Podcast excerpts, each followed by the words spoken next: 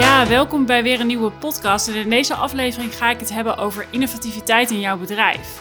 En wat ik wil gaan doen is jou vijf invalshoeken geven voor innovatie in jouw bedrijf. Er zijn er nog wel meer. Uh, ik dacht ik hou het in deze podcast bij vijf. Wat me namelijk opvalt is dat, dat we in heel veel organisaties, als we het hebben over innovatie, heel erg hebben over productinnovatie. Dus een nieuw product op de markt zetten. Daar is niks mis mee. Ik denk alleen dat het soms erg beperkend kan zijn om op die manier ernaar te kijken. Want er zijn ook manieren van innovatie die misschien wel makkelijker zijn, ofwel een hogere ROI hebben. Ofwel zit ik nu te denken, in ieder geval de druk niet alleen bij jouw commerciële afdeling kunnen leggen, maar ook op andere afdelingen kunnen leggen. En op die manier dat je eigenlijk door de hele organisatie heen met jouw klanten bezig bent. Ik vind innovatie namelijk een fantastisch onderwerp om je samenwerkingen met je andere afdelingen beter te krijgen. Het is gewoon vaak iets waarmee je samen iets aan kan pakken, iets moois neer kan zetten en wat echt zorgt voor teambuilding. Dat is in ieder geval de ervaring die ik heb.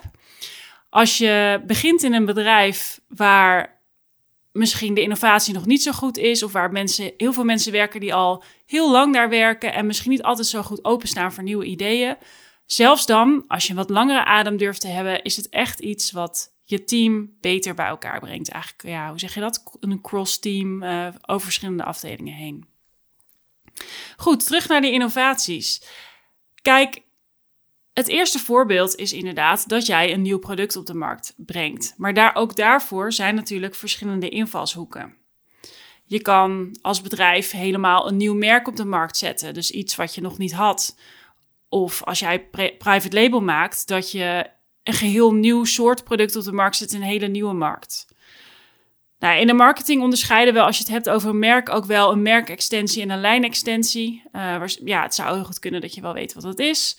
Maar bij een merkextensie ga je eigenlijk een bestaande merknaam gebruiken in een nieuwe categorie, in een nieuwe productklasse. Zo staat het dan wel in de definitie. Hè? Dus bijvoorbeeld de Mars, uh, een Marsreep, die vervolgens ook in ijs stapte. Eigenlijk met hetzelfde merk, gewoon in een nieuwe categorie. Nou, het kan zijn voor jou dat dat best wel interessant is. Er zijn ook bedrijven die hele mooie ambities hebben, die wat meer startend zijn, die dan bij me komen en zeggen: Ja, kan je ons helpen? Wij binnen, willen binnen een jaar in zes, zes categorieën in de supermarkt liggen. Nou, dan mag ik altijd een, uh, een, een, een, lieve, doch uh, strenge toespraak houden dat dat wel een erg ambitieuze doelstelling is. Wil dat onmogelijk zijn? Nou, zeker niet. Maar ik geloof wel in focus. En je moet eerst je merk opbouwen en meteen in zes categorieën. Betekent dat je spreekt met zes verschillende contactpersonen waarschijnlijk. Dat weten mensen vaak niet. Maar elke categorie is vaak weer een nieuw contactpersoon bij de retail of bij een foodservicebedrijf. In ieder geval, het kan een strategie ook voor jou zijn. Dus een merkextensie. Hè? Dus dat je gaat kijken op een gegeven moment van... nou, we zijn heel goed bezig in de categorie waarin we zitten. We zijn op de positie waar we willen zijn. Die moeten we vasthouden. Of we zijn daar bijna en we willen naar een andere categorie kijken. Kan heel interessant zijn. Nou, een lijnextensie is eigenlijk dat je een nieuwe variant maakt... maar in dezelfde productklasse, in dezelfde categorie. Dus een nieuw smaakje, een nieuw grammage... En dus daarmee bedoel ik dat je, nou ja, ik vind spersiebonen altijd een mooi voorbeeld, dat je 200, 400 en 600 gram hebt. En dat je op een gegeven moment door inzichten die je hebt gaat bedenken dat het naar 200 en 500 gram moet gaan, of 250 en 500 gram. Overigens, als je zoiets gaat doen, dan adviseer ik altijd om dat heel goed te analyseren als je veranderingen aanbrengt of als je een product toevoegt. Want uiteindelijk kan het natuurlijk heel erg gaan inboeten in de verkopen die je al hebt. Dus het is heel belangrijk om van tevoren te bepalen wat is ons doel van zo'n innovatie? Willen we vooral omzet toevoegen omdat we een groter product toevoegen waarmee we een hogere kassa-aanslag hebben? Dus dat het ja, elke keer als het over de kassa gaat, of het nou online is of in een winkel, dat er meer betaald wordt. Of omdat we zien dat we een andere doelgroep bijvoorbeeld willen aanspreken, omdat we meer families willen aanspreken. Het kan van alles zijn, maar zorg dat je echt van tevoren goed die doelen bepaalt, want dat helpt je heel erg om teleurstelling te voorkomen. Zo heb ik ook al genoeg producten geïntroduceerd in mijn leven waar we niet de allerhoogste verwachtingen hadden, hadden qua verkopen. Dat hadden we ook goed met onze klanten toen afgesproken, maar we wilden eigenlijk iets anders uh, behalen met elkaar. Dus dat zou ook heel goed kunnen. Je zou bijvoorbeeld een light variant kunnen introduceren. Um, nou ja, je zou van alle, allerlei uh, mogelijkheden zijn er bij een lijnextensie. Maar dat zijn natuurlijk echt nieuwe producten. En dat heeft vaak best wel wat voeten in de aarde. Hoeft niet. Hè? Je kan natuurlijk putten uit bestaande dingen die je hebt. Of je zou kunnen kijken, welke producten maken wij al voor andere markten? Hè, dus wat voor producten maken wij in foodservice... waar we weer learnings uit kunnen trekken voor retail of andersom. Alleen, er zijn ook andere manieren om een nieuw product op de markt te zetten. Ik ben me trouwens terdege van bewuste voorbeelden die ik in deze, deze podcast genoemd hangen ook regelmatig samen. Dus iets kan een nieuw product zijn en ook een andere invalshoek zijn voor innovatie. Het gaat me er even om dat ik je in deze podcast wil helpen om eens anders te kijken naar hoe jij voor jouw bedrijf innovatiever kan zijn naar je klanten toe. Nou, een ander voorbeeld van een nieuw product op de markt zetten is dat je gaat kijken naar de receptuur. Dus dat je de receptuur gaat optimaliseren. Misschien uit wensen, vanuit wensen uit de markt. Dus dat er minder zout toegevoegd mag zijn. Of omdat je doorhebt dat klanten uh, producten toch niet kopen omdat ze één ingrediënt niet lekker vinden. Ik noem maar wat. Of dat de, de bite niet goed genoeg bevonden wordt. Dat zie je ook vaak gebeuren in categorieën die nog relatief nieuw zijn. En dan heb ik het bijvoorbeeld over vegan producten die nog best wel nieuw zijn in een categorie waar weinig vegan is. Ja, soms dan introduceer je iets en weet je stiekem wel, dit kan altijd beter. Maar op dit moment is het het beste wat er is. En ondertussen gaan we het optimaliseren. is ook een heel kan een heel fijn middel zijn. Eh, ook dat je bijvoorbeeld gaat kijken naar andere ingrediënten. Dus wat Willy Croft nu heeft gedaan, uh, vegan kaas, die van de cashewnoten afstapt en dan weer naar bonen gaat kijken, bijvoorbeeld om allerlei redenen. Een ander voorbeeld is natuurlijk dat je, en dat heb ik net al even genoemd, maar dat je een nieuw afzetkanaal gaat zoeken met een bestaand product. Dat kan ook heel erg interessant zijn. En als je deze voorbeelden hoort van een nieuw product op de markt zetten, dan kan het zijn dat je geen merk hebt, dat je private label producent bent of aanleverancier van een, van een merk of een private labelaar. Maar ook dan helpt het om vanuit deze invalshoek te gaan kijken. Dus bij een nieuw product heb ik nu een paar voorbeelden genoemd. Een echt een nieuw merk op de markt zetten, een merkextensie, dus met een bestaand merk een andere categorie betreden, een lijnextensie, dus een nieuwe. Uh, uh, nieuwe smaak of een nieuwe variant of een nieuw gamage van een, van een bestaand uh, productcategorie je optimaliseren van je receptuur en een nieuw afzetkanaal. Dat zijn de voorbeelden bij een nieuw product. Nou, wat je ook kan doen, en dat is een andere manier van kijken, is vanuit productie gaan kijken. Dus het kan zijn dat jij dit luistert en zegt: Ja, maar ik ben verantwoordelijk voor commercie. Ja, dat, dat, is, uh, dat is natuurlijk uh, uh, misschien niet iets waar je meteen aan denkt. Maar ga, ja, ga eens in gesprek met je collega's van productie en bespreek eens wat er mogelijk is. Hè? Dus wat ik ook altijd heel belangrijk vind, is dat je blijft kijken naar wat de concurrentie doet. Dus zo deden, deden wij bij bedrijven waar ik werkte in ieder geval ook regelmatig onderzoek. Dus deden we bijvoorbeeld houdbaarheidstesten. Dus dan legden we onze producten in de koeling versus die van concurrenten. Wat gebeurt er met de verkleuring? En hoe komt het dat de ene minder snel verkleurt? En ook al heb je houdbare producten, ook dan van, oh, waarom kiezen ze voor deze verpakkingssoort? Om echt te leren van wat gebeurt er in de markt en maken we nog wel de juiste keuzes. Want je hoeft helemaal natuurlijk niet dezelfde keuzes als concurrenten te maken. Sterker nog, je wil vaak onderscheidend zijn. Maar je kan wel kijken van, hé, hey, wat zijn nou dingen die anderen slim doen en wat kunnen we daarvan leren en hoe kunnen we de volgende keer dat voor zijn? Dus hoe kunnen wij innovatiever zijn? Maar je kan bijvoorbeeld ook kijken naar efficiëntieslagen. Dus um, ja, een mooi voorbeeld van mijn carrière is dat we erachter kwamen dat we van een bepaalde smaak zeven soorten dressings in het bedrijf gebruikten. Ja, is dat nodig? Soms is het een commerciële keuze dat je bij een klant een andere soort dressing gebruikt, um, omdat daar een reden voor is of vanuit relatie. En als je dan de kostenbaten tegenover elkaar zet, dan is dat niet een keuze waar je heel erg aan wilt tornen. Maar je kan dan ook kijken, kunnen we niet naar drie dressings dan op een gegeven moment telkens naar beneden. Dus dat is bijvoorbeeld ook een voorbeeld. Dus ik ben benieuwd als jij heel eerlijk gaat kijken naar jouw producten.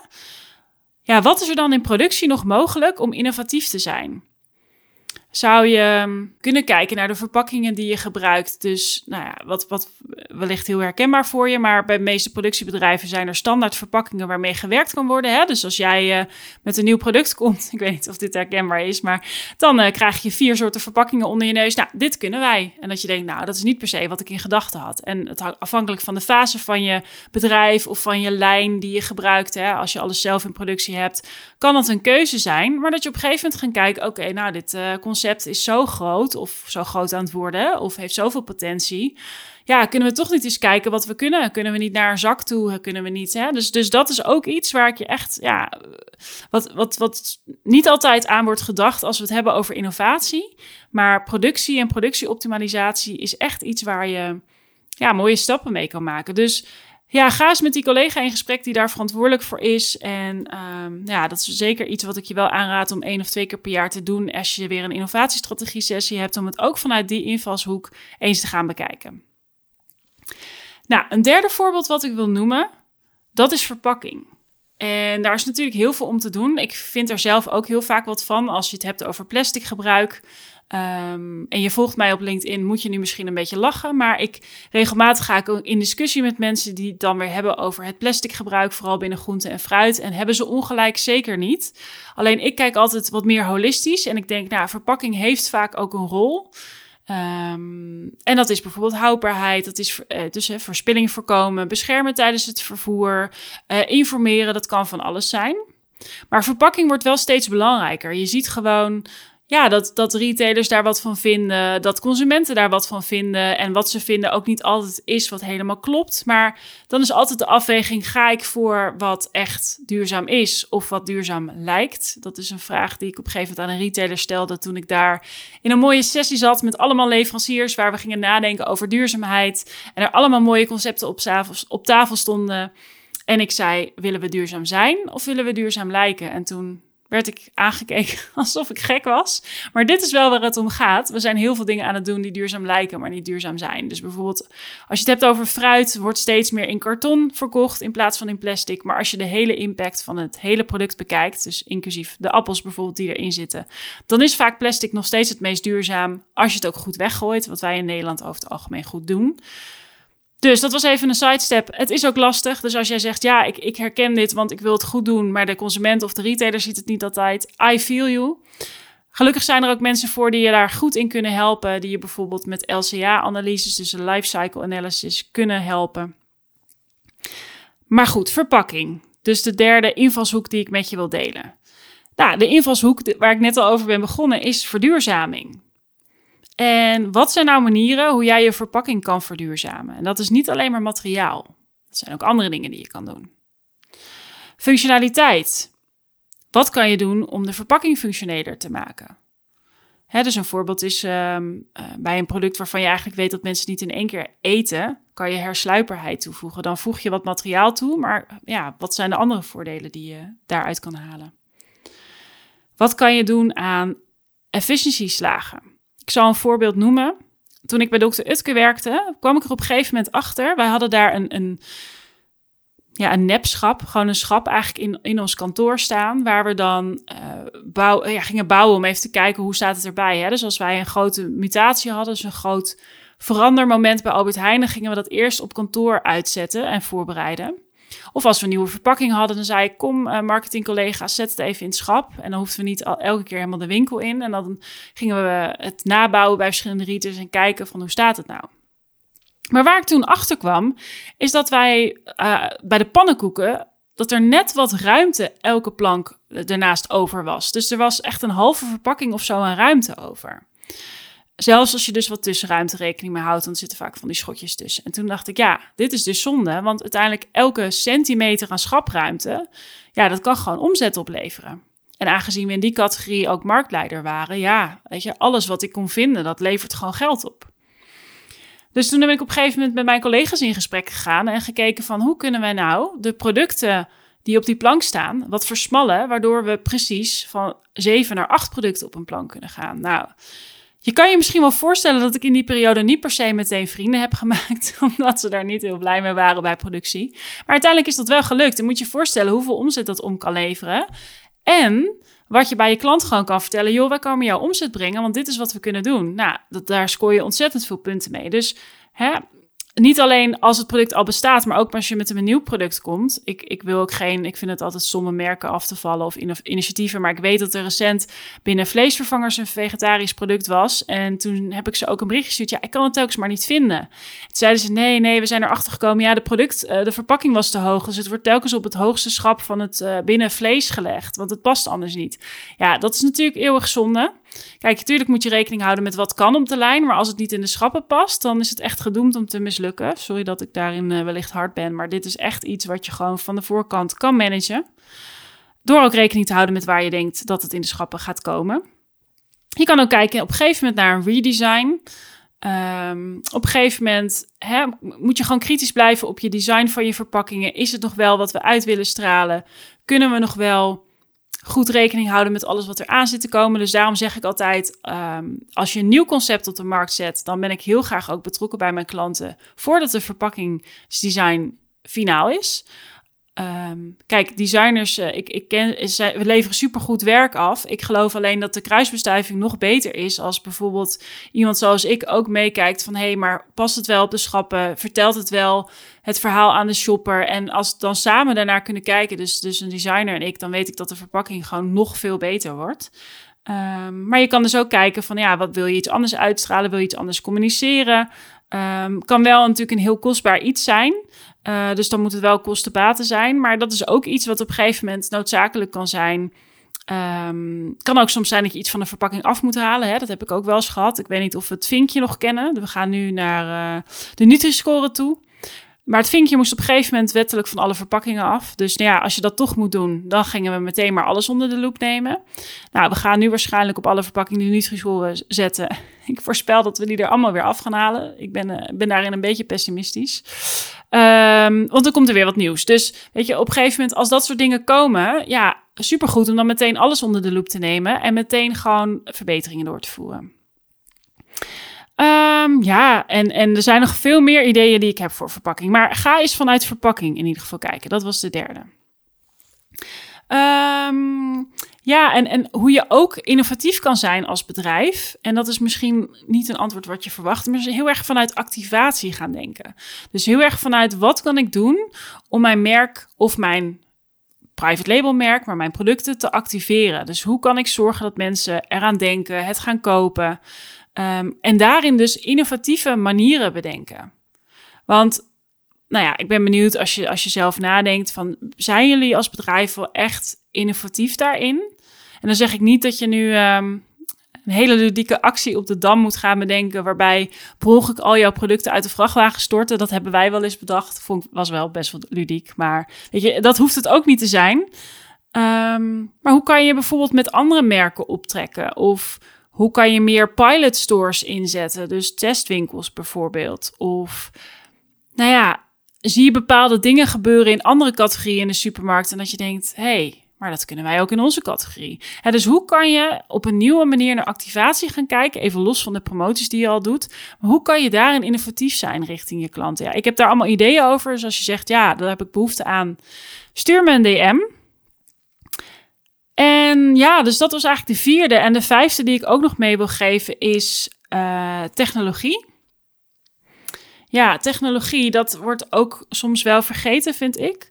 Maar het kan ook iets zijn om enorm veel credits bij je klanten te krijgen. Dus je zou kunnen kijken van zijn er op een gegeven moment technologieën. Dus stel jij zit in de groente en fruit en er is een nieuwe teeltechniek. Of um, jij zit meer in de houdbare producten en ja, um, of bijvoorbeeld in conserven en er is een nieuw, hele vernieuwende product, uh, ingrediënt wat je kan gebruiken. Ik zit maar even hardop uh, te brainstormen met mezelf nu. um, kijk, ik weet dat wij op een gegeven moment bij Hessing bijvoorbeeld uh, teelt op water zijn gaan testen, nieuwe teeltechnologie, en daarin echt met een klant zijn opgetrokken. Kijk, en dat is niet iets wat je heel veel geld op gaat leveren. Maar het is wel iets waarmee je echt met je klant iets vernieuwends kan gaan doen. Wat heel goed is voor de relatie. En dat je die technologie ook gaat begrijpen. Want het gaat, ook, het gaat gebeuren en je wil daarin meegaan. Of in ieder geval uiteindelijk beslissen we gaan er niet in mee. Maar dit is de reden waarom we dat ook kunnen uitleggen aan je klanten. Dus ja, wat, wat is er qua technologie nog mogelijk? Hè? Dus dan heb ik het bijvoorbeeld over, over teelt, over um, het verlengen van je houdbaarheid bijvoorbeeld. Um, maar ook de, de grond waarop op geteeld wordt. Ja, ik, ik, ik, heb, ik, ik roep maar wat dingen. Maar het is gewoon heel belangrijk dat je weet wat er speelt in jouw markt en dat je daar ook op in kan spelen. En ja, ik ben me te degen van bewust dat in de enige categorie dit veel relevanter is dan de andere. Maar ook als jij bijvoorbeeld binnen de vleesvervangers zit, ja, ook daar zijn natuurlijk allemaal nieuwe technologieën, allemaal nieuwe eiwitcomponenten. En ja, wat betekent dat voor jouw bedrijf? Kan je daar iets mee? Kan je daarop inspelen? Nou, ik heb nog meer invalshoeken voor innovatie, maar ik dacht, nou, vijf is al een uh, mooie manier om eens voor jezelf na te gaan denken van, hey, hoe kijken wij nu naar innovatie in ons bedrijf? Ja, wat, wat kunnen wij verder nog doen? Um, ik zit ook te denken, ik heb een andere podcast. Dan zit ik even te spieken. Dat is podcast nummer drie, volgens mij. Ja, waarin is podcast nummer drie. Daar kan je nog terugluisteren als jij van je klanten te horen krijgt dat je ja niet innovatief genoeg vinden. Um, wat kunnen we nu nog doen? Dat is ook een interessante om nog even te luisteren. In deze podcast heb ik vijf invalshoeken voor innovatie gegeven. Een nieuw product, productieoptimalisatie, verpakking, activatie en technologie. Ik ben heel benieuwd als je dit hebt gehoord of je denkt, nou, heel interessant. Ik, heb, ik voel ook dat we hier nog veel beter naar kunnen kijken. Luister zeker ook even podcast 3. En als je zegt, joh, ik wil heel graag eens met jou onderzoeken of je ons hierbij kan helpen. Want ik, uh, ik weet zeker dat in jouw bedrijf nog heel veel kansen liggen voor innovatie. En als je zegt, ja, ik zie dat ook. En misschien krijg ik ook niet altijd al mijn collega's mee. Stuur me zeker een DM. Of plan even een gesprek in. Dat kan via uh, de link in de show notes. Stuur me zeker even een berichtje. En dan praten we even. Om te kijken of, uh, of er een match is en wat er voor jou mogelijk is. Wat ik voor je zie.